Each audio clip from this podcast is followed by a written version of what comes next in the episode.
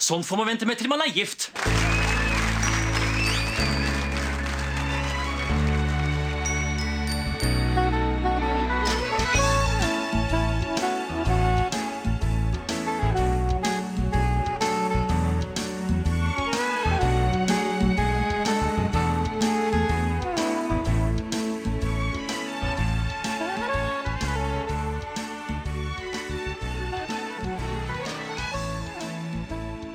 Hallo, velkommen til en ny episode av Norsk film filmpodkast. Podkasten hvor vi ser norsk film med et kritisk, men kjærlig blikk. Mitt navn er Emil. Jeg sitter her som alltid med. Stefan heter jeg. Hva er det vi har sett i dag, eh, Stefan? Syk pike. Og det er ikke et bilde av Edvard Munch, men det er en eh, film som kom uh, i fjor av en som heter Kristoffer Borgli. Den kom i 2022, ja. Ja.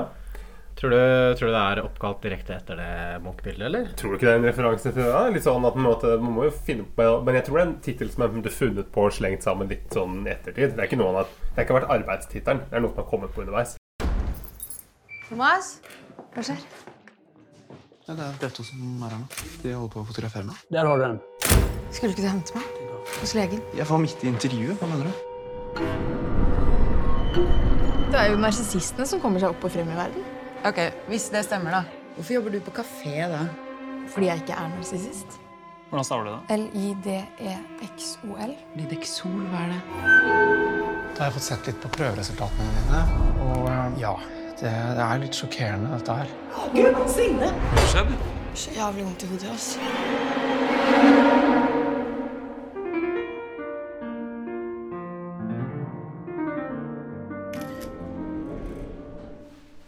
Hvis jeg dør, så vil jeg at du skal sørge for at Anine ikke kommer i begravelsen. Du vil lage gjesteliste til begravelsen, liksom? Du er fortsatt vakker. Kan du løfte haka litt? Grann? Sånn, da. Den eh, sykdommen din, Signe, har den noe navn, eller? Å, herregud. Jeg har krampeleggen. Signe, hvordan føles det å bli verdenskjent over natten? Ja, eh, det har jo vært veldig overraskende og overveldende. Så det at hun påstår at hun er et offer, det er ikke sant? Nei, lyver om alt. Burde ikke du dra til lege? Jeg har det. Jeg har det helt fint. Helt fint. Skal jeg passe på deg? At jeg skal passe på deg? Signe!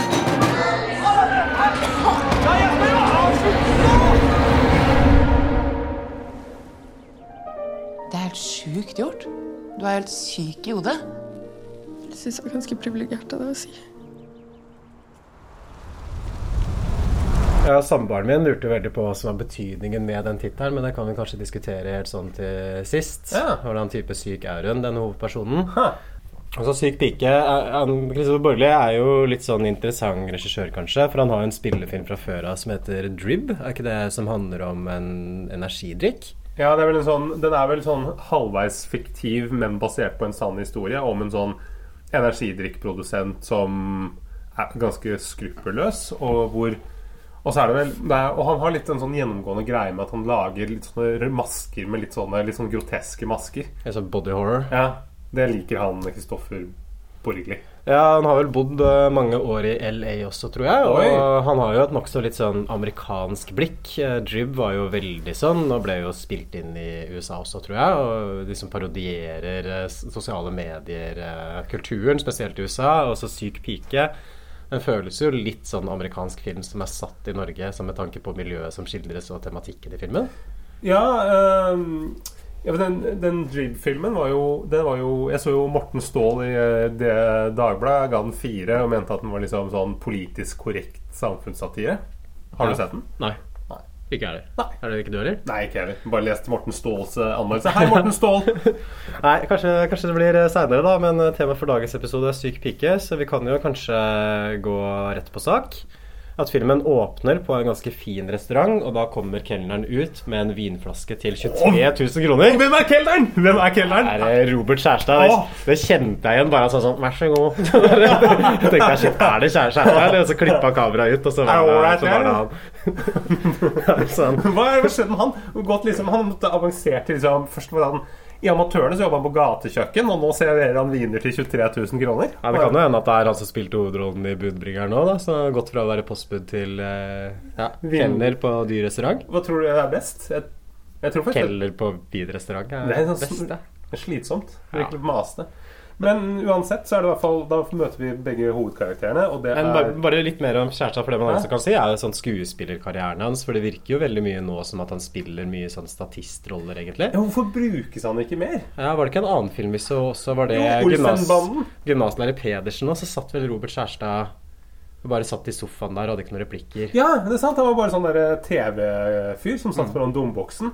Og i Olsenbanden så spilte han jo bare en sånn sikkerhetsvakt som hadde tre replikker. Ja. Hvorfor, hvorfor underbrukes han? Han er jo en utrolig sterk skuespiller. Jeg får litt sånn vondt for Kjærstad, liksom. Er dette her han må ta til takke nå- med nå? Prøve å spille sånn to, tre, fire filmer i året helt langt nede på rollelista Mm. i disse små rollene?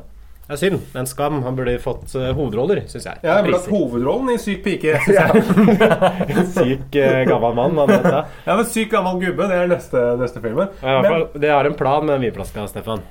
ja, fordi de eh, akter jo ikke å betale 23 000 kroner for den vinflaska. De skal stjele den. Eh, og de som skal stjele den, det er Thomas og Signe. Thomas er en sånn kunstnerfyr som har basert seg på liksom, Han lager sånn kunst med designmøbler.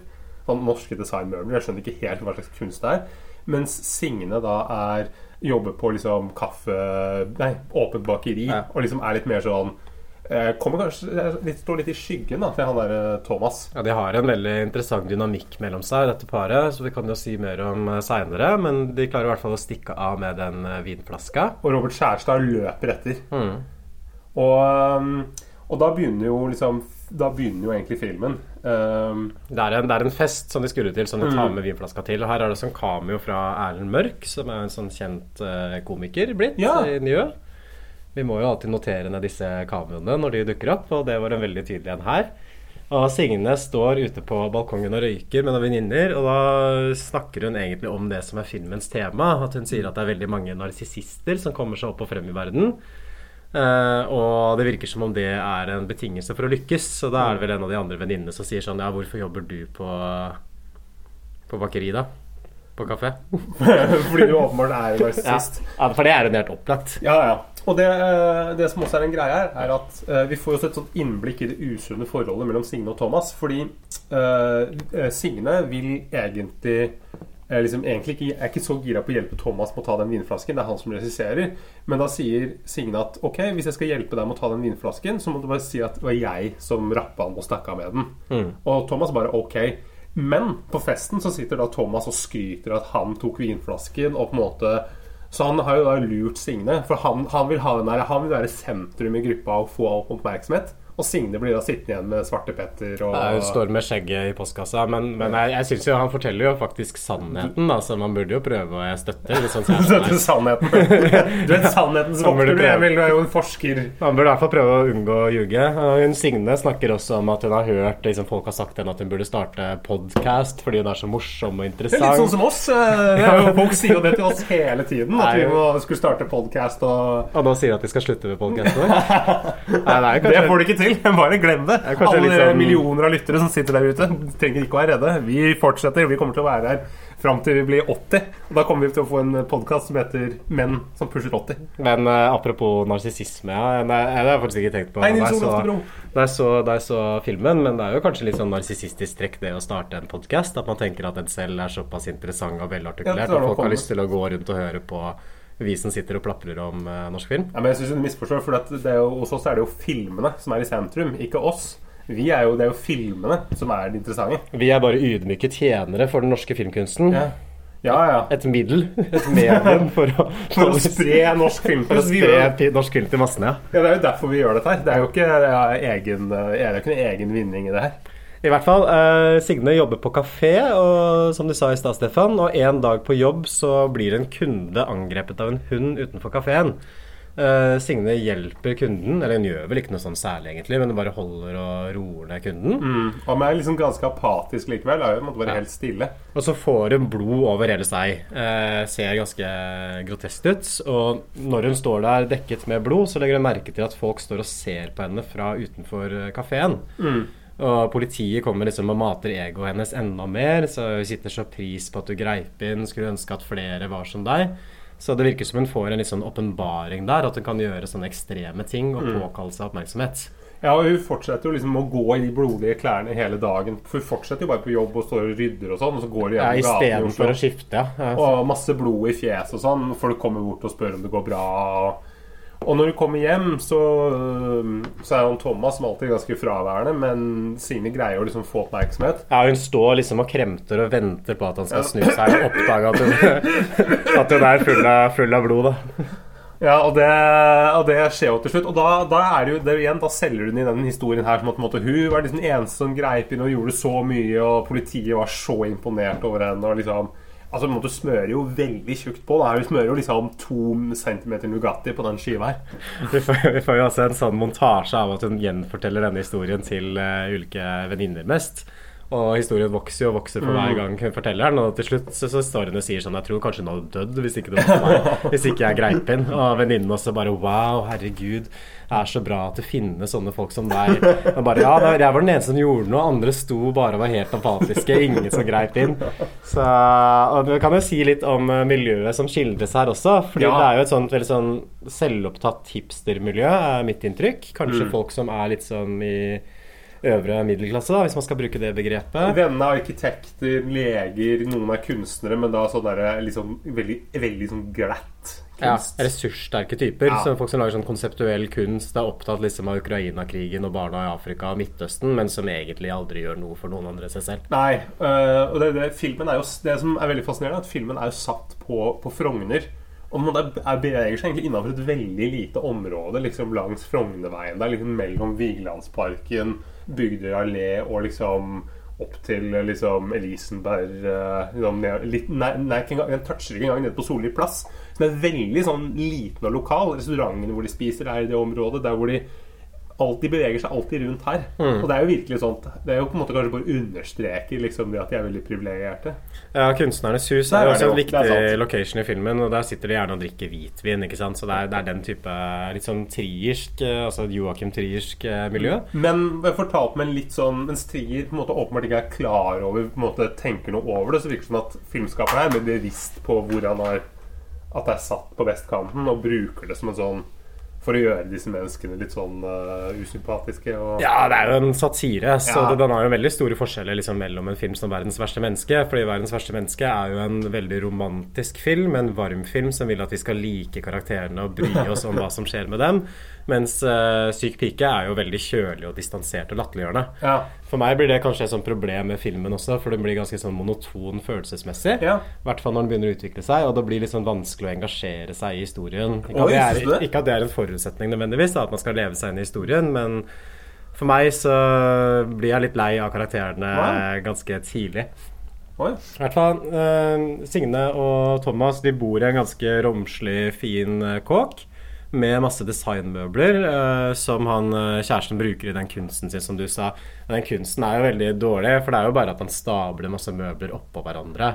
Ja, det kan jo jeg Som en slags sånn gjøre. installasjonskunst eller noe sånt.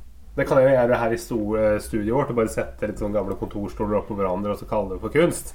Men det er jo ikke kunst. Jeg tror nok det er meningen at det skal være en middelmådig dårlig kunstner. Ja, den kunsten skal være dårlig. Ja, jeg håper jo at det er vitsen. Han har, den, han har jo liksom veldig mye av den der stolen som dere sikkert har sett, som må være norsk design. Som er sånne Det ser litt ut som sånne du vet, Hvis du er i svømmehallen, sånne badepølser, vet du. Bare at de er kledd med sånn velur, og så er det på en måte de satt sammen til en sånn stol. Er Sånn som unger bruker når de ikke kan svømme. Og det er en helt ubrukelig stol. Og den er jo på en måte så ser jo så stygg ut at den må være norsk. Ja. Nei, eh, Den har i hvert fall fått et eh, slags sånn kunstnerisk gjennombrudd, da, han Thomas Meinick. For han skal spille ut på et galleri som heter Kotar. Eh, Det er vel et fiktivt galleri, tror jeg, men Ja. som går for å være veldig prestisjefylt. Og her kommer jo dynamikken ganske tydelig fram mellom dem, fordi Signe begynner umiddelbart liksom å prøve å stikke en nål inn i den ballongen hans og liksom si at ja, det er jo ikke egentlig Kotar, det er jo et sidegalleri, et mindre galleri, og det er kanskje bra, fordi da ser det ikke så glissent ut der når det ikke er så mange folk. Så hun sitter hele tiden og prøver å jekke ned kjæresten da, og liksom og forminske hans prestasjoner, eh, kanskje for at hun føler at hun ikke har så mange prestasjoner selv. Nei, for det er det, hun, selv han som er en sånn middelmådig kunstner, hun faller jo på en måte Hun kommer litt i skyggen til eh, for han. Og eh, det som også er, er at eh, han, han prøver jo bare å forsvare seg på en sånn veldig sånn dum måte med at ja, det er veldig bra galleri, og det er veldig anerkjent. Og, han, og så merker jeg at Når han presenterer ting for vennene sine, så er det på en måte som at han er på et sånt evig jobbintervju. At Ja. han prøver- prøver å selge seg selv.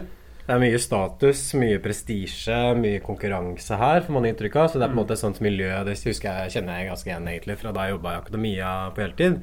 At folk er veldig sånn Oi! Dette har jo du nevnt i mange episoder, så jeg må få lov til å nevne det sjøl.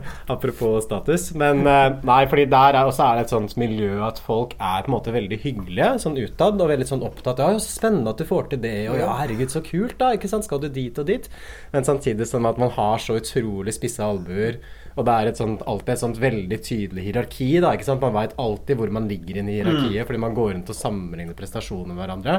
Og alle er veldig individualister som stort sett er interessert i å bygge opp sin egen karriere. Det er litt sånn som for dere som mange av dere som jobber i kommune, som sikkert drar på mye festlige seminar, så er det litt sånn som når dere møter noen som jobber i fylkeskommunen. Og på en måte Da skjønner dere at de, de er liksom De er over dere i hierarkiet. Ja, det, det, det, blir jo en avstand ikke sant, mellom det som er eh, kos og hygge og rause folk på overflaten, og så er det en veldig hard konkurranse under, så, og som folk går rundt og er ganske stressa over.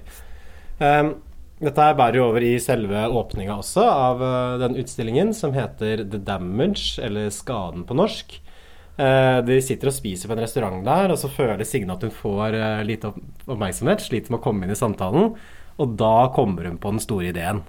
Ja, hun sier at du har nøtteallergi. Alvorlig nøtteallergi. Så du tåler ikke eh, nøtter. Han verten blir jo helt stressa, vet du, for det er, måte, det er jo nøtter i maten. Og Kelner heter det. Kelner, jeg tror han har vært inne i huset. jeg tror han er sånn Nei, de er på en restaurant. Nei, de er, nei, nei, men de er i en privatbolig. Nei, men På noen restauranter så kan du ha et sånt privatrom, så du kan ha selskaper. Så får man liksom Men i et hus, liksom? Nei, det er- det var på en restaurant. Nei, nei, det er i et hus. Det er i det derre Nei, for han spør jo sånn Er det noe de på kjøkkenet må vite Jo, men øh, fordi, fordi øh, jeg bor jo i nærheten her, øh, så jeg har jo og mitt, har mitt daglige virke i det området. Og rett ved der hvor jeg bor, så ligger det huset her hvor det er spilt inn. Og det er en sånn Ja, Men det kan jo hende at det skal være en restaurant i filmen. Ja, men, men du ser henne Det er ikke alltid at man spiller inn ting i en faktisk restaurant. Nei, nei, men underveis i filmen så ser du flere ganger når hun har sånne drømmesekvenser hos Signe, så bor hun i det huset der. Da går hun inn døra i det huset, eller liksom er inne i akkurat det samme rommet. Så hun drømmer åpenbart om å få det huset.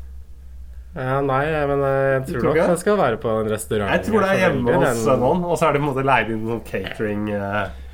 Ja, Dette er jo hvis du, hadde, hvis, du hadde, hvis du hadde spist mer på fine restauranter, Stefan Hæ? Jeg spiser på fine restauranter hele tida. Ikke bare på Valka- og Valka bydelsskru av Mækkern, så hadde visst at dette er spiser på veldig med både bestikk og, og servietter, jeg. Nei, faen nok om det. Eh, Vi må videre til denne nøtteallergien. Da. Fordi, eh, og da kommer en liksom i snakk med dama som sitter ved siden av henne. Ikke sant? Og så Hun begynner å spørre om den nøtteallergien. Men så går hun liksom forsvinner hun litt sånn ut av samtalen eh, ganske fort. da For vi Så hun må, det- gå, hun må gå lenger. Ja, for vi får det, vi får det klassiske den buddy-scenen hvor eh, de spør om liksom, hva er det du jobber med. Og da liksom, når hun sier at du jobber med liksom, service eller noe sånt, så bare det, Da faller Ja, jeg er ikke noe interessant å snakke med henne fordi hun ikke er kunstner. nei. Og, og da går eh, Signe lenger, og så forsyner hun seg av feil rett, slik at det jeg tror er en uh, kelner, og du tror er en vert, oppdager dette her. Og da lager, lager en sånn svær scene rundt middagsbordet som topper seg når uh, han kjæresten skal holde en tale. Da, Oi, det ikke var sant, og takke galleriet. Hvor hun later som hun besvimer over middagsbordet etter å ha hatt et der slags sånn hyperventilasjonsanfall. Men han har jo den mest klysete talen i verden. For han på en måte forteller om liksom uh, Uh, hvor ensomt det er å være kunstner, men takket være at han møtte gallerist Eivind, så liksom løste det seg. Men han gir jo ikke henne en takk, hun som har vært med på liksom å, å, å finne og stjele alle disse designmøblene. Og liksom, hun skjenkes ikke en tanke i den talen. Så jeg tror det er det som utløser det òg. At du får det der At du bare tenker 'Nå faen ta, nå skal jeg ta igjen på Nå skal jeg hevne meg og liksom stjele oppmerksomheten. Og der. det syns jeg var bra. Det var bra gjort. Da, tenk, da kjenner jeg at åh, jeg får brenne hjertet for, uh, for Signe her. Det er morsomt også. Han, prøver, han Thomas forsøker å liksom fortsette Ja. talen og avslutte. Altså, han ene han ene liksom eldre kunstner sitter. Hva er det du holder på med, mann?! Du kan ikke fortsette å tale nå når kjæresten din ligger på bordet med sitt. Søstera di! Søstera di! Ja, For alle, Alle det alle tror bare det er søstera til om Thomas. For han snakker jo aldri om henne. Unnskyld.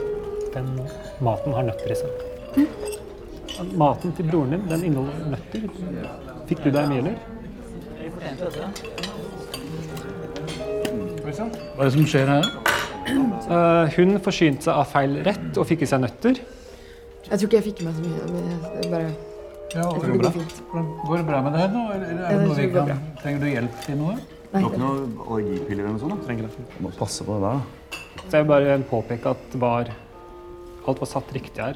Jeg har mista Ja, ja. ingen blodårer Jo, jo, allerede. hun har alvorlig nøtteallergi, så, så snill, det kan være livsfarlig. Ikke ta noen sjanser nå, da, Signe. Du skremmer deg. Nei, det går bra. Og så går det bra. Ja, nå begynner jeg å lure. Jeg begynner å kjenne det. Hva med litt vann? Vær så snill. Hva faen? Signe, vær så snill. Sorry. Sorry. Det. Herregud. Alle her så at hun tok av maten hans. Ja, vi ikke så. sant? Det- Jeg var veldig påpasselig med plasseringen. Det går greit. Det går bra. Det går fint. Unnskyld. Et par, kanskje vi burde ringe til noen? Nei, vi trenger ikke å ringe til noen. Vi trenger ikke det. Det vil vi helst slippe, ikke sant? Det går bedre nå. Ja, jeg skal bare kjenne, kjenne litt etter. Ja. ja, da er det bedre nå. Det går bra? Ja, det var bare en mild reaksjon. Flott. Er du sikker? Thomas passer jo alltid så godt Det går på- greit. Det går greit. Idiot! Det er det. Nei, da, er det. Nei, det er bare noen ganger så glemmer jeg meg. vet du. Alle sier at jeg er så surrete i hodet, men eh, ja, nei. Men eh, det mm, Jeg tenkte faktisk på jeg, jeg prøver å komme på navnet, men hvem er det som har tegnet det bygget her? Er det noen som vet det? Hvem er det? Det skal jeg si. Nei, jeg, jeg aner ikke. Jan Inge Hovig. Jan Inge? Hovik. Ja, selvfølgelig er det det. Ja. Det var akkurat det jeg tenkte. Det var noe sånt med Ja, ja. Stemmer. Eh, nå skal ikke jeg stjele all oppmerksomhet her, eh, men eh, Å låne litt oppmerksomhet, det må være lov. det er lov. jeg er ikke så glad i den spotlighten, egentlig, så jeg skal være kjapp med å lede oppmerksomheten Lede lyset over til Eivind. Og takke for at du eh, fant meg og plukka meg opp. En uh, desembernatt da jeg lå i fosterstilling utafor lokalene til Gotardi i Sandegata. Nei da, eh, jeg skal prøve å være litt alvorlig her. Si noe som betyr noe. Det å være kunstner, det er en grunnleggende ganske ensom bedrift. Man står alene på studio og klapper seg sjøl på skuldra. Og man må heie på seg sjøl, for det er det ingen andre som gjør. Og denne ensomheten i kunsten var noe jeg etter hvert bare aksepterte som et nødvendig onde. Og sånn hadde jeg det inntil eh, Eivind her så meg og så kunstnerskap, så kunstnerskapet mitt og løfta det opp og plasserte det der det hører hjemme, som er i en internasjonal eh, kunstkontekst. Som, og løfta det inn eh, i det jeg tenker er eh, Nord-Europas råeste galleri, nemlig Cotard. Gud, Signe! Nei! Nå må dere fikse opp der. altså. Eh, Du må ringe en ambulanse. Du må ringe en ambulanse. Jeg er på telefon. Er du på telefon? Hallo. Ring etter ambulanse nå. Jeg Kommer hun?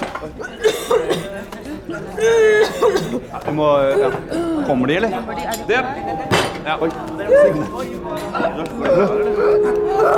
Jeg kan bare avslutte talen. Altså, det jeg prøvde å si, var at eh, Så du holder tale mens eh, din søster holder på å bli kvalm? Ja, jeg skal jo avslutte den nå! Jeg syns det, du synes det var en morsom scene? Den syns jeg var Ja, jeg syns det er kanskje den beste scenen i filmen. Er en god idé. Ja. Eh, vi kan jo kanskje si litt om eh, formspråket i filmen her også. Fordi, som jeg var inne på tidligere, så filmen har et veldig sånn kjølig, distansert blikk på karakterene. Og så en del islag som bryter liksom med dette her. Sånn humoristisk klipping, hvor det liksom klippes mellom sånne der, eh, fantasisekvenser.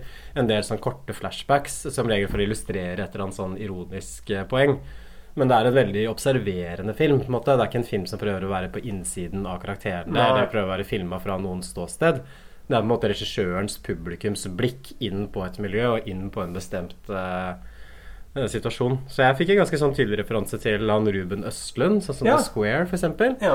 Bare at Østlund er jo litt mer eh, radikal stilistisk, da, sånn mange lange tagninger og sånn, og det får man ikke så mye her. Nei, det er litt uh, raskere klippa, men jeg syns jo den Altså, jeg syns kanskje at den har um, Jeg, sy ja, jeg syns jo faktisk at den er morsommere enn mange av Ruben Østlunds filmer.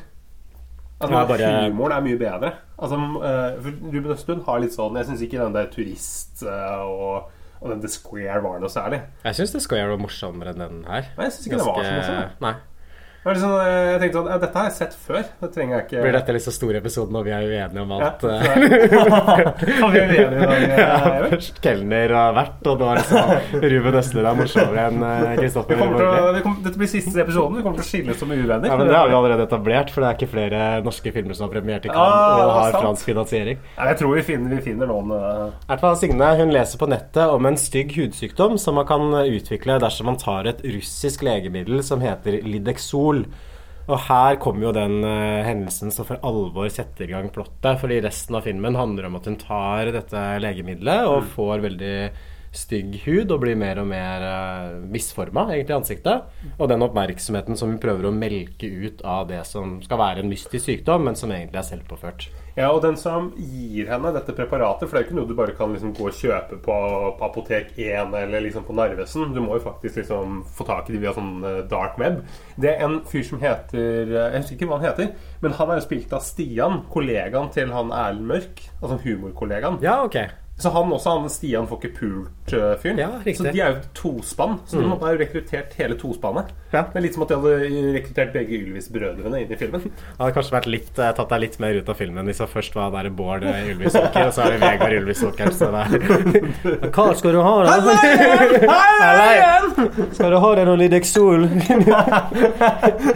han er ikke helt god, han dealeren. Eh, Han har, liksom, han har sendt henne et bilde av at han som prøver å suge seg selv, så han mener at han sendte henne en feil, men så kanskje var det så forsøk på sexting. Jeg vet ikke hvorfor, men jeg trodde først at det var broren hennes. Fikk du det inntrykket? Nei, nei, ikke det hele helt på starten av scenen så tenkte jeg ja. Ja, men det var jo For at de sitter, for de sitter hjemme. At han liksom bor hjemme hos mora Ja. si. Så jeg tenker at nå har hun dratt hjem måte, for å besøke mora, så er broren der. Ja, det, det er litt rart å dra hjem til noen som bor hjemme hos mora si. At du da ikke tenker at vi møtes ute på kafé. Ja, men eh, kan man sitte der og liksom snakke om rusmidler man skal bestille? Nei, kan vi møtes, det var jo fint på, vi kan møtes på Rådhusplassen eller eh, liksom foran Spikersuppa der. Brugata, hvor man gjør det. Men eh, i hvert fall han dealeren ender opp med å bestille mye Lidexol til henne, og så får vi en sånn montasje hvor hun liksom driver og triller piller inn i munnen. Hun sovner overalt. Mm. Og i påvente av at hun skal utvikle dette utslettet. Og det kommer ganske snart, og hun drar til legen.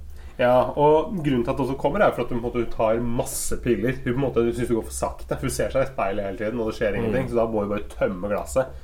Og han legen, han Du får vel ikke så veldig mye ut av. Nei, fordi hun nekter å ta av seg jakka. Som legen sier sånn Ja, ok, nå kan du ta av deg jakka di, så kan jeg se på utslettet ditt. Da bare svarer hun nei. Og så sier sånn Kan vi ikke bare snakke om det istedenfor? Og så sier legen nei, jeg kan ikke behandle deg hvis jeg ikke får se på utslettet. Nei, vi kan bare snakke, jeg er ikke komfortabel med det. Så det er jo litt sånn kommentar kanskje til den der krenkelseskulturen, ikke sant. Snøflagg- om at folk er så veldig sære og liksom Nei, det går over mine grenser, så da gidder ikke jeg det. Nei, jeg, jeg, kan ikke, liksom, jeg kan ikke vise hud. eh. Mm. Og dette her er vel balsam for deg eh, i sjela di, Stefan. Det, det verste du veit, er vel sånne typer som ikke vil ta av seg jakka. Du vet at du egentlig burde kledd av seg alt fra topp til tå med en gang hun kom inn på Ja, det syns jeg også. jeg drømte jo om å bli lege var ung, men eh, skjønte at jeg hadde ikke karakterene eller eh, liksom, sånn realfagskompetanse til det. Den egentlige motivasjonen hennes er vel at hun ikke har lyst på en diagnose, fordi det er mer interessant dersom det er en sykdom som ingen veit hva er. Ja. Så det er jo det man kaller for MUPS på fagspråket. MUPS? Medical Unexplainable Symptoms. Hæ? Hvordan har, du, hvordan har du funnet ut av dette? Nei, Emil? jeg var på en eh, vitenskapelig konferanse en gang. Mine venner, I Tampere? Nei, det var i Trondheim. Men da var det noen som holdt et eh, foredrag om disse mupsene. Så det, det festa seg hos meg. Wow, hva du vet, hva du har lært på sånne vitenskapelige konferanser. Takk, takk, takk. Um, så jeg kan jo Hvis dere er interessert så måtte, en vil ha et foredrag om det MUPS, bare send en mail til oss. kontakt, ja. ja. Så kan dere bestille foredragsholder. Hva er det du tar for et foredrag om MUPS? Hva er det du pleier å ta? Du sa vel sånn vanligvis sånn 6000-7000 sist gang du ble spurt. jeg tar faktisk mer. Så jeg er billigere, billigere drift enn deg. det er jo minstesats, Emil. Så vi kan jo spørre oss hvem som egentlig er arrogant her. Men i hvert fall. Eh, kjæresten får et intervju med D2, som selvfølgelig er veldig stas, fordi D2 er jo den kuleste avisen i landet. Men den nå etter, etter A-magasinet, da, som jeg syns er enda bedre Nei, men D2 har vel høyere prestisje? Ja, det Det ikke er mye bedre. Ja. Det var et Mm. forsøk på ironi. Ja, okay. Litt sånn avansert ironi, for jeg leser verken D2 eller A-magasinet. Så jeg har bare fått med at folk snakker om D2. Men uh, det er jo ikke noe stas for Signe, selvfølgelig. Så kommer hjem, og så bånder hun hele pilleeska mens typen blir tatt bilder av med disse designmøblene sine ute på stua. Ja, men- Så det er liksom hele tiden denne konkurransen som går mellom dem, og hvordan hun desperat prøver å holde tritt, da, og som særlig blir prekært når han begynner å få karriere som kunstner. Ja, fordi um, Og det er det etter det der D2-intervjuet, så uh, Så begynner jo Det utslettet begynner jo liksom Det begynner å utvikle seg så fullt. Og da, og da tar du kontakt med liksom en venninne som er journalist, og får henne til å skrive en sak. Ja, men det er jo ikke før om lenge. Å ja, er det, er det ikke før om lenge? Ja, det er, bare er, skal øh, liksom, ja, fordi Først så kommer hun liksom Å, ja. ut av soverommet, og så er hun helt sånn oppblåst i trynet. Og så går hun inn til legen, da, og så blir hun først behandla av Anders Dansen Lie i en sånn fantasisekvens. Hvis du husker det? Ja, hvor han- Anders Dansen Lie liksom avslører henne og sier at hun lyver mye, hun har dårlig humor, så derfor kommer politiet og skal henrette deg umiddelbart. Eh, Så det er bare en eh, vond drøm. Men det det det kanskje det er meningen at den scenen skal etablere, er vel kanskje den frykten hennes for å bli avslørt. For det er jo kanskje den store spenningsmomentet i filmen utover dette her også. Ja. Balansen mellom hvor langt skal hun gå, og hvor stor er risikoen for at folk faktisk skjønner hva hun holder på med, og tar henne. Ja, for det er jo alle de vennene som på en måte åpenbart er klar over at hun er liksom narsissistisk anlagt og liksom er en sånn øh, har veldig liksom behov for oppmerksomhet. Mm. Så det hadde ikke vært rart hvis de hadde avslørt henne. Nei. Men samtidig så er det jo så bisarr eh, handling Ja. også, på en måte, å gi seg sjøl en sånn hudsykdom. For hun ser jo virkelig helt forferdelig ut. Det må man Ja. jo si. Jeg synes, Fra start så kan du på en måte se at det er noe sånn Det er noe litt sånn uh, styggpent ved det, på en eller annen måte. Men det, det utvikler seg jo fort at det ikke er det, da. Ja, men det er litt sånn symbolsk også, tror du ikke det at det er akkurat Anders Danielsen Lie som sitter og dømmer henne? Fordi hvis det er én person i norsk offentlighet som jeg tenker framstår som en sånn hypervellykka, hyperprivilegert ubermensch, så er det jo Anders Ja, Danielsen Lie. Han er liksom lege, anerkjent skuespiller, har jævlig mye sånn smarte meninger, som han skriver sånn der iblant i Aftenposten og Dagsavisen og Morgenbladet. Han har modellkjæreste, har vært modell selv for GQ, spiller i masse sånn anerkjent europeisk film. Musikklager han også. Hei, jo, han er jo en av de mest sånn kvalmende, vellykka menneskene som vi har i Norge. Æsj. Ja, for han har, ikke, han har ikke den der liksom lille sånn øh, litt sånn vanlig mann i galla Sånn som Aksel Hennie. Nei, Han har liksom ikke noe feil heller. Sånn Aksel Hennie kan jo ta litt pga. det der manager i staten-intervjuet, f.eks., at den er lav. Men det gjør Mens Anders Danielsen Lie er jo bare helt sånn uangripelig ja. For meg så gjør jo det, selv om jeg ikke eh, oppfatter Aksel Hennie som en sånn verdens hyggeligste fyr, så på en måte får jeg fortsatt mer Det er noe mer interessant med han. Anders Danielsen Lie er på en måte med et menneske jeg ikke forholder meg til annet enn som skuespiller. Nei, Det blir usympatisk å være så vellykka, ja. Men jeg tenker at det også er perfekte personen. Fordi hvis det er én man ikke har lyst til å bli dømt av, så er det jo kanskje han. Nei, som så er- jeg tror det er litt sånn symbolsk casting, at han kanskje spiller seg sjøl òg. Fordi Anders Danielsen de jobber jo som lege. De kunne jo caste en av oss også i den rollen der. Med to andre übermennesker. Men jeg tror det hadde tatt for mye oppmerksomhet ut av filmen. Liksom At vi hadde kommet inn der liksom med vårt utseende og star power og karisma. Så det hadde fort blitt at man liksom bare stjålet hele filmen. Jeg klarte ikke klart å tenke på andre ting publikum etter den scenen. Ja, hvis du tenker at Anders Danielsen er en li, eh, en åtter, så er jo vi tiere begge to. Hun blir omsider utskrevet fra Ullevål, og så hun mener sjøl at hun ikke har fått nok oppmerksomhet. Så det er blitt for få e-poster, og det er ei venninne eksempel som ikke har vært og besøkt henne, Ja. som hun tar seg veldig nær av. Og det som skjer her, er også litt sånn ironisk, som vi kanskje kunne utvikla litt mer. At det, som, for det, det er jo kjæresten hennes, Thomas, som får oppmerksomhet på bussen nå av en ganske sånn attraktiv dame. Fordi han sitter liksom og tar vare på og passer på det som er en veldig Ja, hun ser jo helt forferdelig ut, som sagt. Og da begynner han å liksom kose og kysse litt sånn ekstra på kjæresten sin for å se på meg, liksom. Se utrolig Så- så raus er. Ja, jeg er glad. Jeg elsker kjæresten min uansett. Han kan se ut på hvilken som helst måte, fordi jeg har ikke noe overfladisk eller sånn i meg. Skikkelig helt. Han som er sånn tidenes mest overfladiske fyr. Mm. Men um, Men det er Ja, og det og det er jo liksom det, Så det slår jo taktikkene slår jo på en måte feil igjen. Men eh, da da kommer vel det jeg snakket om, det med å ta kontakt med denne journalisten. Nei, det er seks scener først, og så skal hun begynne i terapi, og Ja. så kommer det i hvert fall på mine notater. Her, her har vi også en ganske ekkel scene, syns jeg, hvor eh, kjæresten eh, til Signe liksom presses inn i å ha sex med henne. Hva Mm. syns du om den scenen der, eh, Stefan? Ah, jeg syns den, den var litt ekkel, jeg, altså. Nei, det kan ikke være lett, fordi hun har jo bandasjert hele huet. Og så begynner hun liksom først å forføre han og liksom tar ham i skrittet. Han spør sånn 'Hva gjør du egentlig?' Og hun 'Ja, hva tror du at jeg gjør?' Han sier at han ikke vil, så hun presser seg veldig på henne. Og det som skjer utover scenen også, er at uh, han liksom nevner noe sånn at 'jeg var så redd for deg, du var på sykehuset, jeg var redd for at du skulle dø'. Og hun spør han sånn 'ja, kan ikke du beskrive begravelsen min for meg'? Uh, hvor han liksom begynner å beskrive Ja, det er så mange folk, alle gråter, alle har lyst til å komme i begravelsen din, og hun blir mer og mer tent, og til slutt så går det for henne, da. Og da får vi en liten fantasisekvens her hvor det er liksom helt stappa utenfor kirka. Det er liste for å komme seg inn i begravelsen. Det er en prest som står og stempler folk med et lite kors ved Ja. Og, og liksom, ja, faren får ikke komme inn. Hun er en venninna som ikke kom på sykehuset, får ikke du får komme inn. Og de bare står utenfor og gråter for de er så lei seg for at de får komme inn. Og, og det er, den, liksom denne svære kirka liksom, som ser ut som en sånn Det kunne vært en kirke i Roma. Liksom. Det er på en måte Peterskirken-nivå på dette her. Det er så svært. Er det egentlig er kirka på Kampen? Ja, det ble, ja, den som alltid brukes i en norsk film. Blant annet i Hotell Cæsar, f.eks. for eksempel. Hvorfor brukes den i norsk film? Ja, for det er så lett å sperre rundt for trafikk og sånn. Det er praktisk hensyn. Det er det som styrer uh, beslutningene i norsk film. Ikke sånn kunstneriske hensyn kunstneriske. Er det er praktisk? sånn, hvor enkelt er det å spille inn? Hvor nærme er det kontoret til filmselskapet? Sånn at de kan gå inn og bæsje uten å måtte sette opp sånn der portapott i Så man slipper, slipper å bæsje i kirka. Ja. det kan man ikke gjøre. Nei, nei, nei. I neste scene så begynner Signe i det som kalles for holistisk terapi. Og den gruppa blir leda av en av mine favoritter, nemlig Ja. Henrik Mestad. Oh, han er liksom sånn eh, bringebæret i den Nidar favorittposen, liksom. Han er på en måte han, han, gjør en helt, han gjør en helt fantastisk rolle. Er det ditt favoritt sånn smågodt? Sånn bringebæret? Eh, I de der Nidar-favorittene så er det nok kanskje den. For det er den som er liksom mer sjokolade rundt, og så er det sånn bringebærgelé inni. Mm, Som er sånn Troika light. Ja, jeg synes liksom aldri det er Jeg blir alltid litt sånn skuffa når jeg tar den. jeg. Hæ, gjør det? Ja, for jeg syns det burde være mer bringebærsmak. At den er litt for tjukk, den sjokoladen. Å ja. Nei, Kanskje helt- den skulle vært større. Ja, for du vil ha et løvtynt lag med sjokolade, og så Mm. Jeg synes det er litt sånn godt at du må på en måte bite litt ekstra for å komme inn til, eh, til kjernen. Pleier du å bite av bunnen først, eller så liksom slikke ut eh, For det gjør jeg, jeg biter først av bunnen, og så tar slikker ut den geléklumpen og spiser den for seg, og så tar jeg sjokoladen til sist. Bare suger den ut? ja. Nei, jeg tar liksom og får tunga bak deg, sånn lei, leiper den i meg. Eller Å? lepper. Ja, det viser jeg. Det har jeg ikke prøvd. Det skal jeg prøve neste gang jeg kjøper Nidar-favoritter. Jeg gjør det.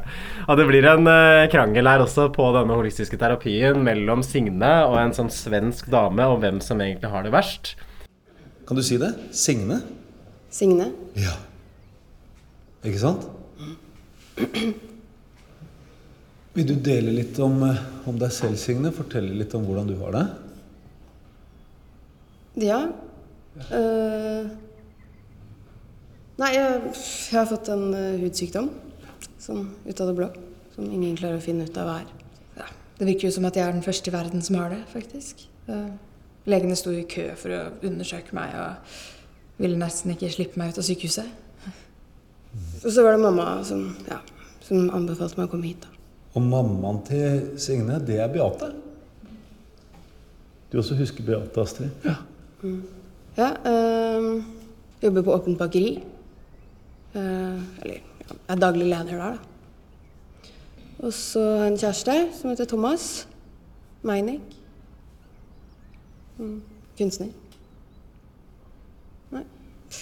Ja, han er ikke sånn den beste kjæresten å ha i det her. Uh, han har uh, blitt sånn helt uh, obsesst på sin egen karriere. Han bruker liksom all energien sin på det. Jeg skjønner liksom sånn Selvfølgelig vil han nyte suksessen og sånn, men det er bare Vet du, Signe, nå snakker du veldig mye om en person som ikke er her. Det er ingen her som heter Thomas. Men det er en her som heter Signe. Ja. Vil du si noe om symptomene dine? Hvor sitter smerten, syns du? Nei, altså, det er ikke Det gjør ikke så vondt, egentlig. Det er bare Jo, altså, jeg har fått veldig sånn problemer med å svelge, da. men det er noe- Hvilken fase er du i? Hva da? Detox-fase? En eller to? Jeg vet ikke hva det betyr. jeg. Nei, men kanske vi ska gå vidare till nästa. Anja? Hæ? Ja, om du är färdig nu så kanske någon med lite mer allvarliga symptom kan få snacka. Altså, du mener at du har det verre enn meg? Vet du vad? Jag skulle önska att jag hade det som du. Så praktiskt och fint att kunna ha sjukdomen på kroppen så att alla kan få se. Det är heldig. Jag är heldig? Ja, det är heldig. Kom tilbake når du har angst, brain fog, migrene, diaré, konstant dårlig ånde. Du kan ikke sove mer enn to timer åt gangen, og du klarer ikke sterkt lys, du klarer ikke høye lyder. Synes det er et ganske godt poeng, fordi eh, til nå så er det jo bare det eneste hun har, er jo bare de synlige greiene i fjeset der, men det virker ikke som hun har noen sånne helseutfordringer ellers. Nei, det er kanskje mest sånn visuelt at hun ser stygg ut. For det der med at hun sliter så fælt med å holde seg våken, f.eks. Det Men jeg regner jo kanskje med at hun får en sykemelding på jobb da, etter å ha blitt lagt inn på Ullevål. Vi ser henne jo aldri tilbake på åpent bakeri. Nei, jeg kan ikke jobbe i bakeri heller med det trynet der. Det blir litt sånn uappetittlig for kundene, tenker jeg. Du tror det? Er det veldig ufølsomt av meg å si? Jeg syns at hvis man jobber med mat, så er det kanskje et poeng at man ikke har sånn synlige hudsykdommer i ansiktet. Du kan heller jobbe på Claes Olsson eller på Kjell og Company. ja. Eller, på, eller på apotek. Da kan det bli mersalg. At fordi funksjonen tar noe ekstra hudkrem. De ansatte skal jo selge produkter, så hvis man kommer hit med bakeri har egentlig tenkt å kjøpe seg skolebolle, og så mister man matlysten fordi man ser den personen bak kassa, det er jo Og så dårlig tenker du at det business. ligner på den bringebærkremen som sitter inni det der berline bålet borti der. Uh, hun blir også intervjuet av venninna si i VG. Nå kommer vi omsider dit du ville hele veien, Stefan. Ja, endelig er min historie. Kan ikke jeg ta den, da? Nå, nå er det din tur til å skinne litt. Oh, takk, takk skal du ha. Alle, alle spotlightene er rett mot meg. Jeg er jo en slags narsissist. Take it away. Eh, nei, fordi det er en venninne som er journalist og jobber i VG, og eh, Signe sier jo at eh, Ja, liksom, du er, du er den beste vennen min, og jeg har hatt det så vanskelig. Og liksom Hun manipulerer skikkelig for å få den der artikkelen inn. Og hvis det er liksom noen som jeg tror kan beskrive min skjebne, så er det deg. Eh, så da får du et intervju om seg sjæl på trykk på VG, liksom både på nett og papir.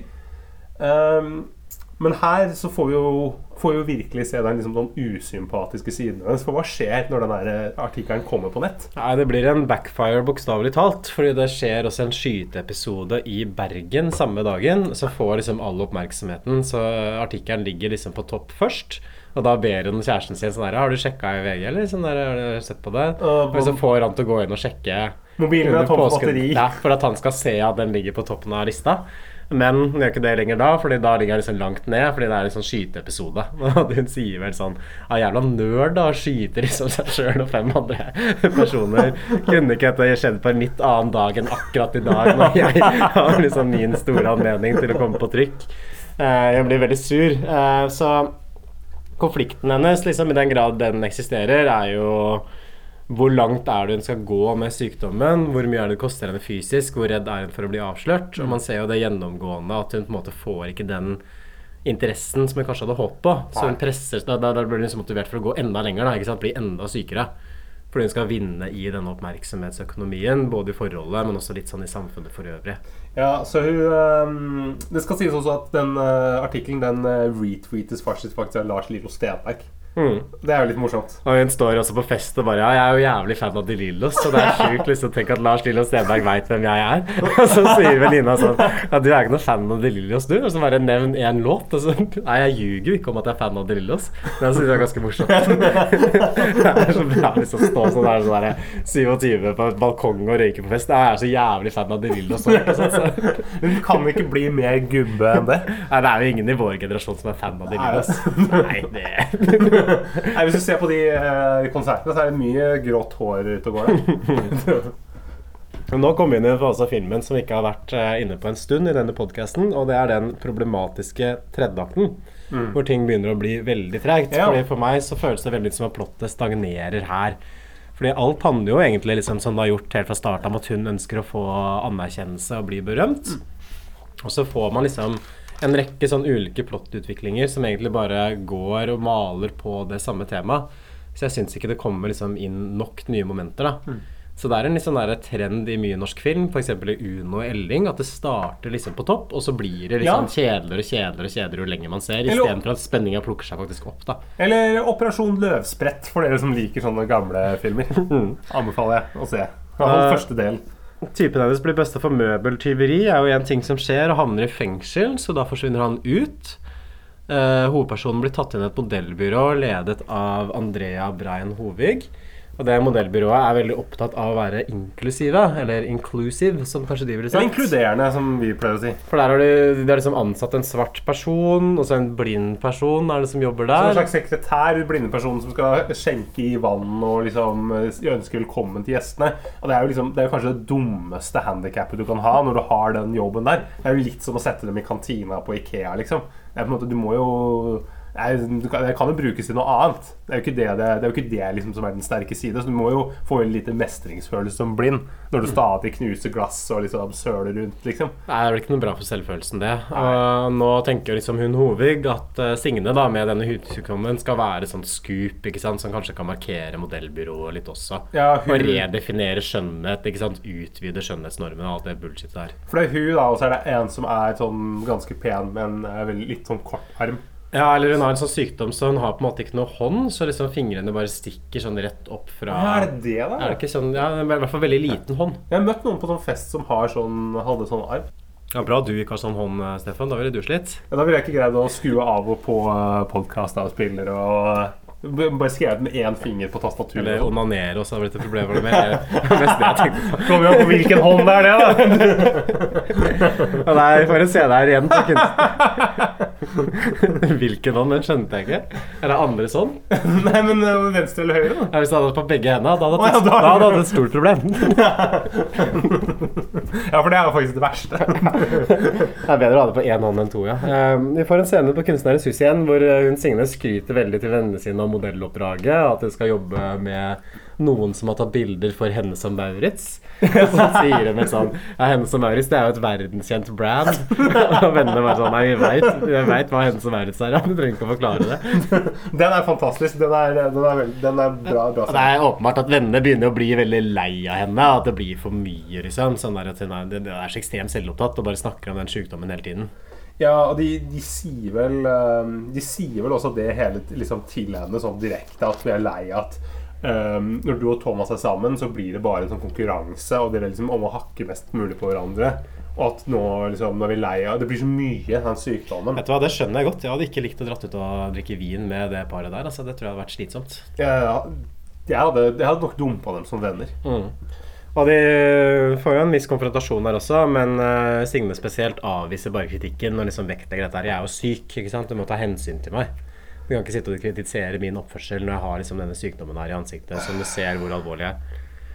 Og etter dette så blir hun liksom enda mer grotesk, da, fordi nå begynner hun å miste håret, og så svulmer hun skikkelig opp i ansiktet. Ja, og vi begynner å få sånne blodårer på halsen som Ja. bare svulmer opp til sånn begynner å størrelse. kaste opp blodet. ja, ser virkelig ikke ut. Og det blir jo et sånt problem også for det modelloppdraget, for nå begynner det kanskje å bli litt vel stygg, tror jeg. Det er én ting å ha litt sånn arr i ansiktet, men når ansiktet også begynner å bli sånn bloated, og man nesten er skalla, da ja, Skjønnhetsidealene er kanskje ikke så vide. Man kan utvide dem helt dit.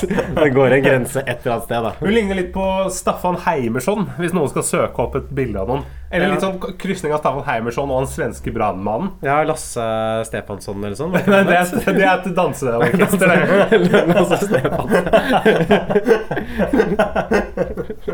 Jeg blander sammen, for jeg syns det er så brennheit musikk. Så Ja, det er, eh, det, er, det er liksom musikk med gass. Med bånn gass. Ja, litt ordspill er klippa ut. Men eh, vi skal gjøre en fotoshoot for noe som heter Regardless, som også er et sånt inkluderende merke. da Sånn Regardless, sånn med handikap, I'm still beautiful, sånn type piss.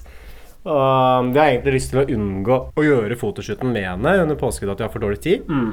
Og da tar Signe og låser konkurrenten sin inne på toalettet, slik at de må ta bilder av henne mens de venter. Mm. Ja, og um, Det skjer inne på Vigelandsmuseet. Ja, og det er jo, det er utrolig flott location. Den bruker du for hva den er verdt, men liksom å skyte litt sånn nærbilder av forskjellige statuer. Det er litt sånn som i den ene Olsenbanden-filmen, hvor det er i Vigelandsparken og på en måte skyter nærbilder av Sinnataggen og alt, mens Benny og Kjell løper gjennom parken tidlig på morgenen. For de som har sett den filmen. Så det er litt det samme, da. Um, Litt det samme. samme location. Jeg tror han jeg tror han har stjålet det der. er, det er et nikk til Olsenmannen, helt sikkert. Ja, det tror jeg også. Men selve innspillinga går liksom overraskende bra likevel. Og, men det, det, det, er helt fram til hun liksom blør ut av ansiktet og hodet og liksom kollapser på bakken. Da. Da går det for langt, da, ikke sant? og da begynner folk å kritisere hun Hovig. Herregud, hva slags modell er det du har tatt med? Og ingen, eh, ingen vil hjelpe henne, for de de, disse liksom, eh, fisefine modelltypene De vil ikke ha liksom, dritt på klærne sine og liksom, ta på henne som kan være sjuk og Æsj, du ekle menneske som ligger der. Men en ting som jeg så i rulleteksten som jeg synes var litt interessant, er at her er det Kristoffer Borgli selv som spiller han regissøren. I den scenen. Å, med den bøttehatten Ja. og Oi! Er det Kristoffer Borgli? Ja. Ja. Oi. Han var kreditert som regissør på skuespillerlista, så regner jeg med at det er den rollen Oi. der han spiller. Wow. Og, Litt sånn Alfred Hitchcock-aktig. så en hun skjønner vel kanskje nå at uh, nå kan hun ikke melke den kua her noe lenger. ikke sant? Nå blir det for drøyt. ikke sant? Så hun kan ikke få oppmerksomhet eller nå dit hun vil. Og det som er B-planen da, er at den skal bekjenne for venninna si i VG, og så liksom lage en bok, liksom et narrativ rundt det, om at hun, liksom, det, hun var den som lurte en hel nasjon, ikke sant, førte folk bak lyset. Men det går jo ikke akkurat sånn som jeg hadde håpet at det skulle gå, Stefan. Nei, fordi um, når du forteller det til venninna, så er det bare sånn Da sier liksom Sine Jeg løy og Jeg har løyet og gjorde det med vilje, og jeg har nok liksom en eller annen eh, Jeg er syk og trenger hjelp og, og sånne ting. Men hun venninna bare Jeg vil bare reiser seg og går og sier at liksom Jeg kan ikke Dette her orker jeg ikke å høre på. Ja, Han blir bare veldig sånn moralsk indignert, Mm. rett og slett. Bare, det, nei, dette blir for sjukt for meg. Dette gidder jeg ikke å ha noe med å gjøre. Ja. Så det blir ikke noe sak i VG, eller Nei, til tross for at liksom Signe da sier at hun ikke har noe fri vilje, og sånn, så er det ikke noe, det er ikke noe medfølelse fra den eh, venninna. Det tenker jeg det liksom, synes jeg er uh, har jo lurt henne også til liksom, å, å skrive et intervju i VG, fordi at hun liksom Hun har jo trodd på Signe. Ja, og så sier vel hun også at du har brukt dette her så sjukt mye, liksom, Ja. på siste månedene nå, så alt har bare handla om det, og så nå sier du at det bare var Eller var selvforskyldt, Mm. at det var noe du gjorde selv. Eh, Signe kaller henne også for privilegert, hun venninna. At uh, det er jo ingen som velger å være sånn som meg, jeg kan ikke noe for det. Så Nei. prøver kanskje å spinne det over til at ok, jeg er syk i hodet, ikke sant? så det er det som er det egentlige problemet mitt, og det som er det egentlig liksom, som jeg skal bli kjent og berømt for. Men tror du ikke Men det må jo være litt sånn kjipt Altså Det må jo være vondt å sitte i den gjengen med liksom disse arkitektene og øh, liksom stjernereporterne i VG og sånn, og på en måte så sitter du der liksom og jobber på åpent bakeri, og hvis du da på en måte ikke har noe annet som du på en måte brenner for å drive med, så må du jo føle deg Og sammen med kunstnerfyren i tillegg som gjør det så bra og får intervju ja. D2, så må du jo føle deg veldig øh, Du må jo føle at livet er ganske meningsløst, da. Ja, det er jo det som er hennes motivasjon. ikke sant? Det er jo helt klart fra starten av at hun er på en måte litt sånn taper, som er et privilegert miljø. Eller ikke, ikke taper, da, men hun ser på seg selv som en taper, i hvert fall. I det miljøet så vil hun jo på en måte Vil mange se på henne som en er Hun er uinteressant og spiller liksom andrefiolin for typen når de er på galleri. Nesten litt sånn som den konflikten til eh, Julie, verdens verste menneske. ikke sant? Fordi hun, ja. Det er jo problemet hennes med Anders Dansen lik karakter i den filmen. eh, er at uh, hun også føler seg veldig i skyggen, da, ikke sant? selv om han er sånn tegneserieforfatter og hun jobber på Nordli. Ja, for det, det er, hun spiller. B-kornett i det forholdet. Ja. Det er jo interessant, for vi har jo vært på en liten sånn der Anders Dahnsen Lie hat trick. For dette er jo tredje film vi ser med ganske kort tid. Så først Tomme tønner, så Verdens verste menneske, og så den der. Men vi har jo alltid Jeg tror kanskje Tomme tønner var den jeg har likt best av de tre. Hæ? Mener du det? Du den bedre enn Syk pike? Ja, ja, ja, absolutt. Å, herregud. Ja, det er jo eh, jeg, kan, jeg vil si at du har dårlig dømmekraft, Emil. Den her, eh, men den her avsluttes i hvert fall med takk, takk for det. Må jo være ærlig. ja. Dårlig dømmekraft. Få sette deg på plass. Det er en veldig hard vurdering. Sånn, sånn generelt i livet, eller bare på film? Ja, bare eller bare når du kommer til de filmene Kanskje her? akkurat når du kommer til den filmen her, og, og Tomme tønner. Ikke ellers, Emil. Ellers har du veldig god dømmekraft. Kanskje en av de beste jeg kjenner på å dømme takk, takk og dømmekraft. Men ehm, det, det, det avslutter i hvert fall med at Signe på en måte finner litt sånn trøst og ro i et fellesskap. For du drar jo tilbake til Holistisk Senter med han eh, Henrik Bestad. Ja, og så danser de rundt i skogen. Ja, jeg syns det var en veldig rar avslutning på Ja, filmen. synes jeg egentlig. også. Fordi Hun kommer tilbake igjen i terapigruppa, og så får man en sånn avslutningsscene som også rulleteksten går over, at de bare danser liksom rundt i slow motion. For meg så virka det kanskje som at man ikke var helt i stand til å finne en god avslutning på filmen, så da tok de bare dette. Ja, ja men det, det, jeg mistenker det. Men samtidig så er det jo det der med liksom når hun sitter i sammen med alle disse damene igjen som tidligere skjelte henne ut for at du ikke hadde liksom noen sånne fysiske problemer som du ikke så. Altså en måte Nå, nå sliter du jo med liksom svelging og liksom har masse og får ikke sove og alle de rare greiene. Og da får du på en måte anerkjennelse der. Nå er du en av dem. Hun du liksom, sier vel også at hun detoxer, så da har hun kanskje slutta med disse pillene. Ja, og prøver å få det bedre. Så hun identifiserer seg på en måte med et sånt pasientfellesskap istedenfor å prøve å slå gjennom i storsamfunnet. Mm. For det ser man jo en del eksempler på, også sånn diabetes f.eks., som jeg har forska litt på. da Jeg vet at du er ikke noe glad når jeg sier det, men eh, Nei, der er det jo veldig Jeg er fremdeles med i sånn pasientgruppe der på Facebook, og folk er veldig opptatt liksom av diagnosen sin og søker seg veldig sammen. ADHD har jo egentlig sånn ADHD-treff, tror jeg, liksom, og møter andre folk med ADHD.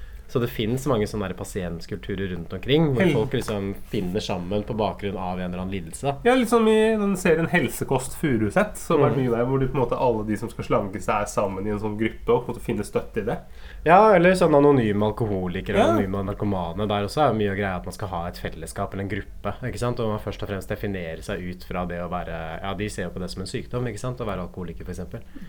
Så det er jo kanskje der filmen ender opp også, men jeg syns at eh, jeg skulle ønske kanskje at avslutningen kjørte på litt mer. At det var litt mer sånn drøyt. Ja. Jeg føler at den, den fiser litt ut, liksom. Den siste, siste fem minuttene spesielt. da Ja, fordi Jeg lurer nesten på om det hadde vært bedre om de bare slutta uh, der hvor du på en måte blir avslørt og måtte sitte alene i den tomme leiligheten hvor politiet har tatt alle møblene fordi at de har jo stjålet, og på en måte bare sitter der alene for seg selv med en Eller om de hadde dødd, eller et eller annet sånt. Ja. Eller blitt enda mer grotesk. Fordi jeg tenker liksom at det føles som en film som har liksom foten ganske på gasspedalen Mm. hele veien gjennom, og ting blir bare mer og mer ekstremt.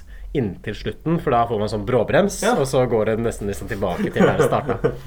Ja, for det er det. Vi, vi, liksom, vi går fra det lyntoget til liksom en sånn skrangletog på Rørosbanen. på en måte. Det blir uh, Det er litt merkelig Det er merkelig taktskifte der, altså. Ja. Uh, vi kan jo kanskje snakke litt mer om hva som er temaet i denne filmen. For det er jo helt åpenbart en film som er lagd for å belyse noe i kulturen. Det tenker jeg det er ikke noe karakterstudie eller film som utforsker følelser. Det Nei. handler om å ta tak i en ting i samtida, og så parodiere det. Men hva tenker du liksom er det temaet eller den tingen som du forsøker å Ja, for jeg tenker angripe? at Den er ganske åpenbar at det der med at, uh, liksom, at alle skal drive og markedsføre seg sjæl. Alle skal liksom være noe Det holder liksom ikke å ha en vanlig jobb lenger, men du skal på en måte være noe mer, og du skal ha liksom noe sånn spesielt. Den selvopptatte, privilegerte miljøet. Ja. Og, at, og det der med at um, Og at en måte folk liksom, en del mennesker, At en måte flere har kanskje blitt mer Har blitt mer selvsentrerte da, enn det de var før. Mm.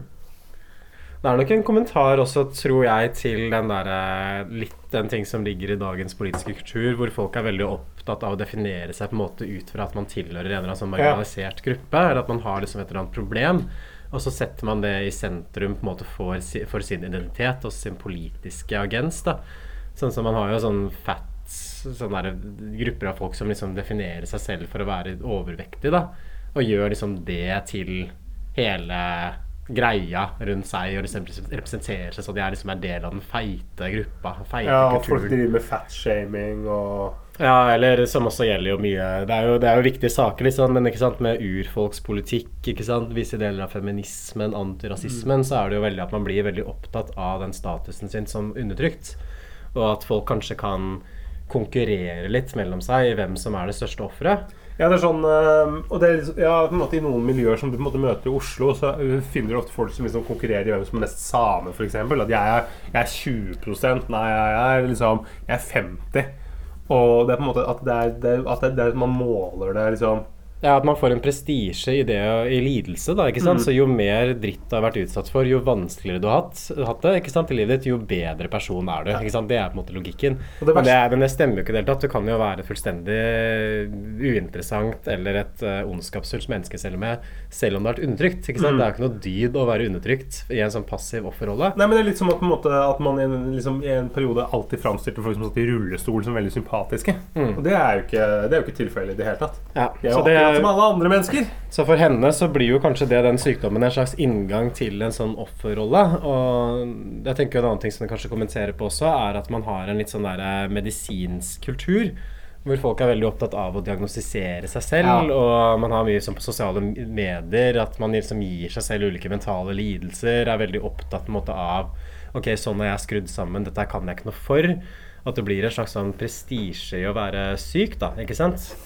Så Og jeg tror også det henger sammen med at det blir en sånn terapeutisk kultur i politikken også, hvor veldig mye politikk handler om at man skal verne og trygge folk. Særlig hvis det er en eller annen sånn undertrykt minoritet. Da Mm. gjelder det på en måte å reparere den skaden som de har blitt utsatt for. Mm. Gi dem et trygt rom. Lindre. Man snakker mye om trauma. Sår som skal heles. Mm. Som også er en sånn type terapeutisk kultur, tenker jeg. Hvor det medisinske, og liksom det å være sånn medisinsk, og være sjuk, da. Det blir en kilde til stolthet og status, sånn ironisk nok. Ja, og det er vel det den filmen der latterliggjør, tenker jeg, spesifikt. da Ja, men det er jo litt sånn som at måte, du, er ikke, du er liksom ikke ordentlig kjendis før du på en måte går ut og sier at du måtte ha vært ordentlig deprimert. Liksom. Når til og med sånn Stian Blipp går ut og sier liksom at «Ah, 'jeg har vært deppa'. Det er på en måte det er, det er liksom du er, det, Alle skal ha en eller annen sånn form for diagnose. Mm. Men så er det jo også bare visse diagnoser som er innafor. Det er jo mye som på en måte som ikke Hva tenker du er de liksom stigmatiserte diagnosene? Som ME, f.eks. Der har det jo vært en veldig stor diskusjon om det er en psykisk eller en fysisk lidelse. Og de Ja. ME-forening f.eks. er veldig på å argumentere for at det er fysisk.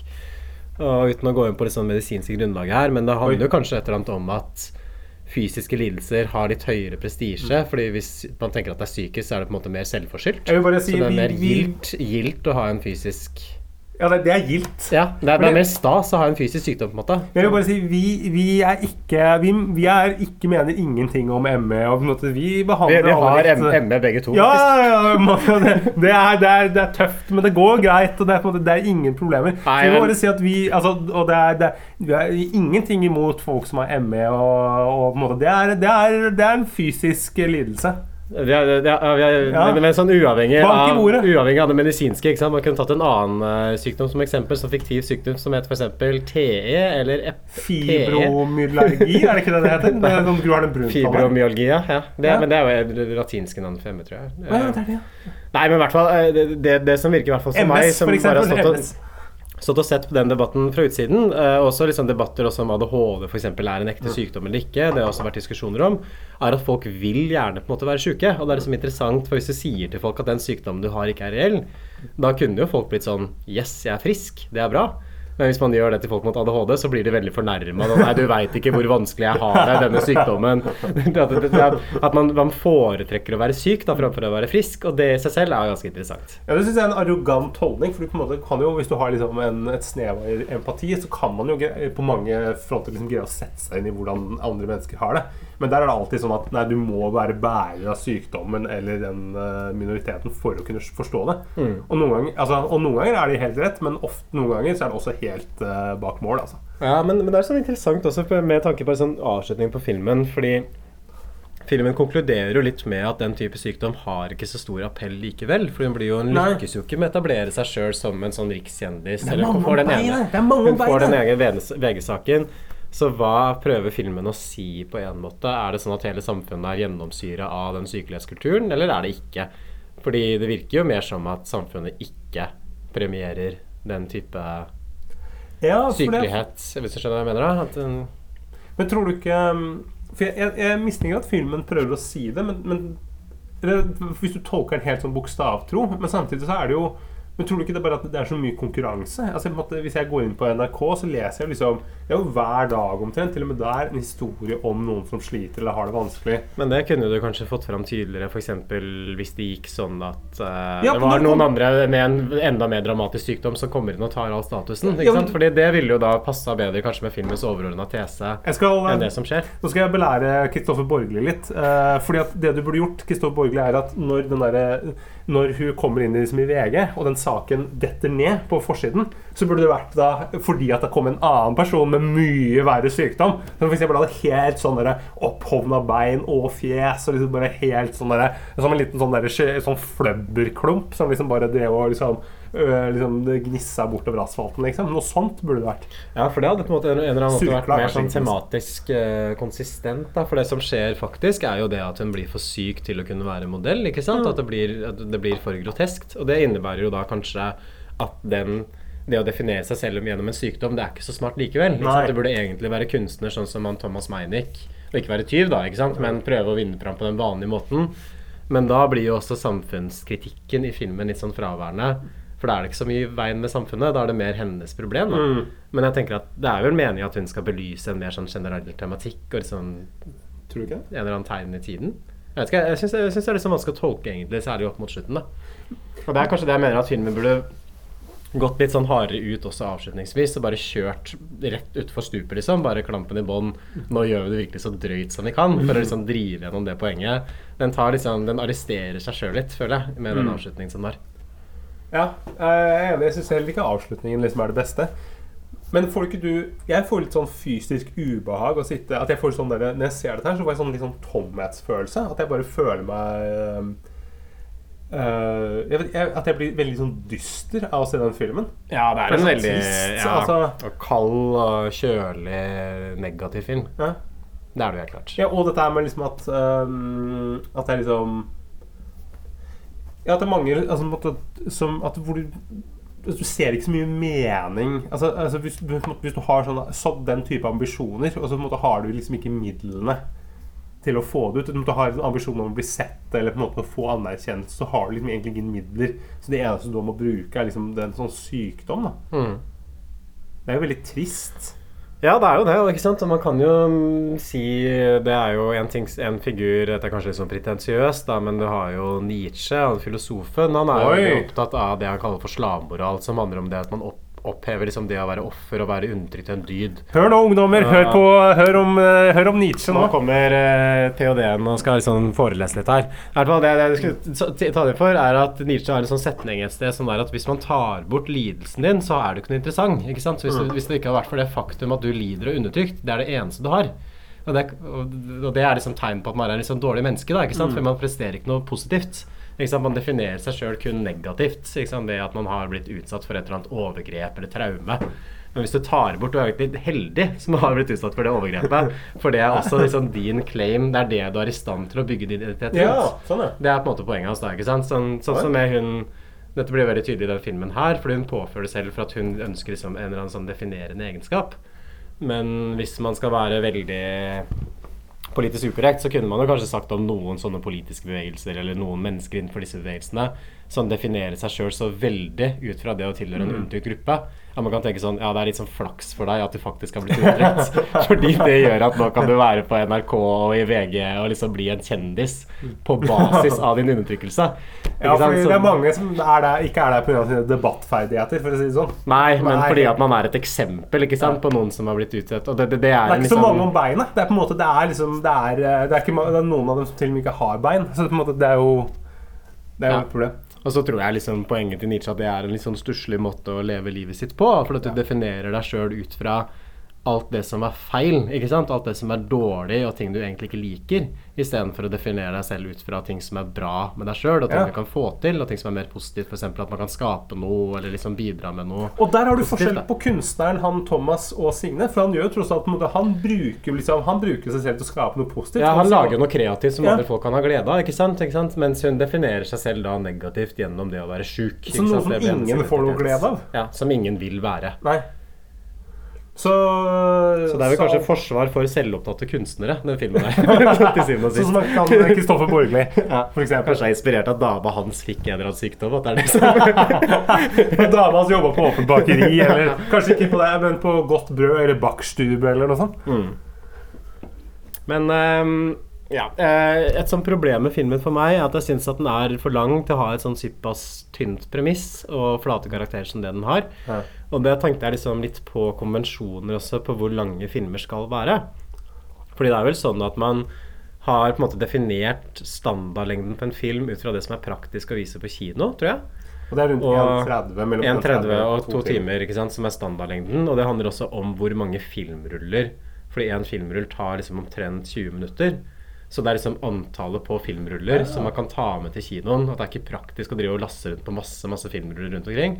Men også hvis det er filmer som er veldig korte, så føler kanskje publikum at det ikke er verdt å dra på kino hvis den bare varer i 20 minutter, liksom. Det er litt sånn som at vi lager lange podkaster for at folk ikke gidder å høre på noe som er 10 minutter langt. Ja, nettopp. Eller, sånn, eller, Bare plapper i vei, vet du. eller med album, ikke sant? musikkalbum, som er at det er plass til 20 minutter på hver side på en LP. ikke sant? Og da ble standardlengden 40 minutter. Ja, det er litt sånn som dere ungdommer som sikkert liksom kjøpte CD-singler. og Jeg vet ikke, De vet sikkert ikke hva det er, CD-singler. Men uh, da var det sånn at uh, hvis jeg kjøpte da f.eks. Uh, Englefjes med DumDum Boys på liksom, CD-singel, så var jeg jo liksom opptatt av at det ikke skulle være en 2,5 minutters låt, men kanskje 4,5 minutter. At jeg måtte fikk virkelig valuta for de 30 kronene som jeg la inn i den singelen. Absolutt, men poenget mitt er at det, er, det, fester seg en sånn tidsnorm, og jeg tror nok den filmen her hadde vært mye bedre hvis den varte i 60 minutter enn i 90. Ja, helt enig. Det og, men det, det kan jo hende at hvis man tenker at det må være 90 minutter, for den er jo akkurat under 90 minutter, det har vi sett en del eksempler på, fordi det er på en måte den nederste grensa for hva som er akseptabel som en filmlengde. Men den er ikke litt faktisk eh, Bare arrestere deg. Altså, men jeg tror det er litt over 90 minutter. At den er sånn 1 time og 37 eller Ja, men den ligger liksom akkurat rundt Ja. der og vaker, da. Og, ja, men kutt ut 30 minutter, kanskje særlig i dette tredje partiet som, jeg, som vi snakka om i stad, så tror jeg den hadde sittet mye tightere. For det er en ganske god idé. Men den trenger ikke å bli så omstendelig insistert på så lenge som den gjør. da Det er kanskje hovedproblemet mitt. mitt, mitt. Nei, men enig. Men det syns jeg er et sånt gjennomgående problem i norsk film, at filmene blir for lange. Ja. Uh, men ellers mener jeg at jeg syns jo liksom Jeg synes jo skildringene liksom, jeg, jeg vet ikke, jeg koser meg med dette her. Jeg syns det er liksom sjelden at jeg ler eller syns en, en norsk film er ordentlig morsom. Men det syns jeg den her er. At på en måte, den treffer den der satiredelen ganske bra. Det, altså den, den scenen hvor uh, I det huset hvor um, hvor hun Signe later som en nøtteallergi. liksom På restauranten, mener du? Ja, nei, det er huset. Men, men eh, samme det, ikke sant? Det, Du måtte det- ta akkurat den! Ah, ja. Men den, ikke sant? bare den scenen Den er på en måte sånn Curb Your Enthusiasm-nivå. Liksom. Den er, den er, Ja, den er- så- den er morsom, ja. Den er kjempebra. Det sitter så bra. Og en del av det så- Og så syns jeg også de, sku, de skuespillerne som på en måte ikke er liksom spesielt kjente, eller noe sånt jeg sy altså, de spiller liksom De spiller realistisk. Det er ikke karakterskuespillere, men det er bare ja, men Det er litt flate karakterer, er det ikke det? det er flate karakterer, men, men det er for, det er, jeg, jeg, jeg syns det er underholdende å se på. Syns jeg det blir litt sånn langdryter mot slutten. mm. Men det er, altså, det er gøy, altså. Nei, jeg syns at man kunne gjort litt mer ut av det premisset og den ideen som man har. Jeg syns at den er bedre konseptuelt enn faktisk som film. Og til dels er mye av handler om at avslutningen er såpass uh, svak. Og jeg syns også det hvis man lager en sånn tesefilm som forsøker å si noe, så er det ganske viktig hvordan man avslutter filmen, for det er liksom der Ja. man setter punktum. Det er konklusjonen. Da setter man liksom to streker under svaret. Og her fiser det bare ut, ikke sant? for de prøver å løse avslutningen narrativt. Mm. Men det gjør også at hele filmens beskjed blir sånn utydelig, og jeg tror den hadde vært bedre at den var tydelig. da De slipper på en måte bare luften ut av ballongen med en gang og lar den fise opp i været, liksom, og så Mm. bare faller den ned med sånn lite dop. Men er vi klare til å sette terningkast, eller? Ja, jeg, jeg triller terning, jeg. Uh, og det jeg gjør, er at jeg gir den en Femmer? Ja, jeg gir uh, tre, jeg, da. Jeg visste du kom til å gi tre! Jeg, jeg, jeg, ikke, jeg, jeg overstyrer humoren. Jeg, eller jeg, jeg, syns bare, vet ikke, jeg synes den humoren og på en måte, det, det gjør, gjør det for meg. Altså. Ja, så elsker jo du også filmer som gjør narr av svake folk, sykelighet, laster Ja, best jeg vet. Så jeg, måte, jeg spytter jo etter Så folk det på gata som sitter i rullestol. eliteblikket som den filmen der har, det går rett hjem hos deg, Stefan. Ja. Da koser jeg meg. Da tar jeg fram Grandisen og sitter der. Men jeg også faktisk oppdaget litt sånn utslett under armhulen min. Vil du se på det nå, eller? Ja, gjerne Jeg tror det er ganske Oi, oi, oi. Ja, for, du må- skrive en eh, bok, Emil. Ja, ja, Om hvordan det er å ha det utslettet der, ja. Ja, for det er ganske tøft, er det ikke det? Jo. Det er vanskelig å være meg. Astro.